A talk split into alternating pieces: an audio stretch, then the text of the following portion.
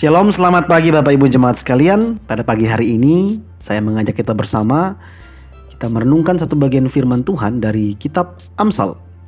Amsal pasalnya yang ke-30. Amsal pasalnya yang ke-30 ayatnya yang ke-24 sampai dengan ayatnya yang ke-28. Demikian bunyi firman Tuhan. Ada empat binatang yang terkecil di bumi, tetapi yang sangat cekatan Semut, bangsa yang tidak kuat tetapi yang menyediakan makanannya di musim panas. Pelanduk, bangsa yang lemah tetapi yang membuat rumahnya di bukit batu. Belalang yang tidak mempunyai raja namun semuanya berbaris dengan teratur. Cicak yang dapat kau tangkap dengan tangan tetapi yang juga ada di istana-istana raja. Bapak Ibu jemaat sekalian, ada cerita dari seorang pendeta bernama Pendeta Agustus M. Toplady. Pendeta Agustus M. Toplady ini hidup pada tahun uh, 1700-an. 1760-an.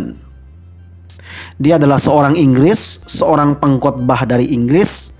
Dan dalam satu kisahnya, dia menceritakan tentang kisahnya saat terjebak di dalam badai ketika dalam perjalanan.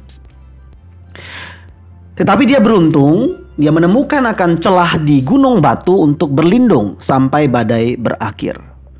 Selama berteduh di dalam celah uh, gunung batu itu, ia merenungkan bahwa Allah juga seperti gunung batu itu dan celah tempat ia berteduh itu serupa dengan luka di lambung Kristus yang darahnya mengalir untuk membersihkan dosa manusia atau dosanya juga, dosa kita.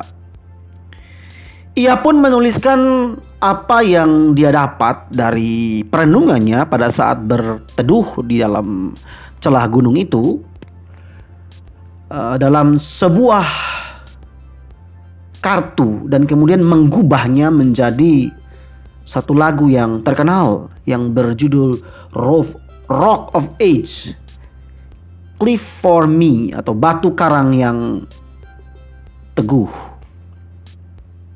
Dalam kitab Mazmur kita sering menemukan penggambaran Allah sebagai gunung atau batu, bukit batu untuk menunjukkan kekuatan perlindungan Tuhan. Celah atau rongga pada gunung batu dapat dijadikan tempat persembunyian dan perlindungan. Menariknya, bukan hanya manusia yang menyadari itu. Beragam jenis hewan juga memanfaatkan gunung atau bukit batu untuk keselamatan mereka. Contohnya, pengamsal memberi contoh hewan pelanduk.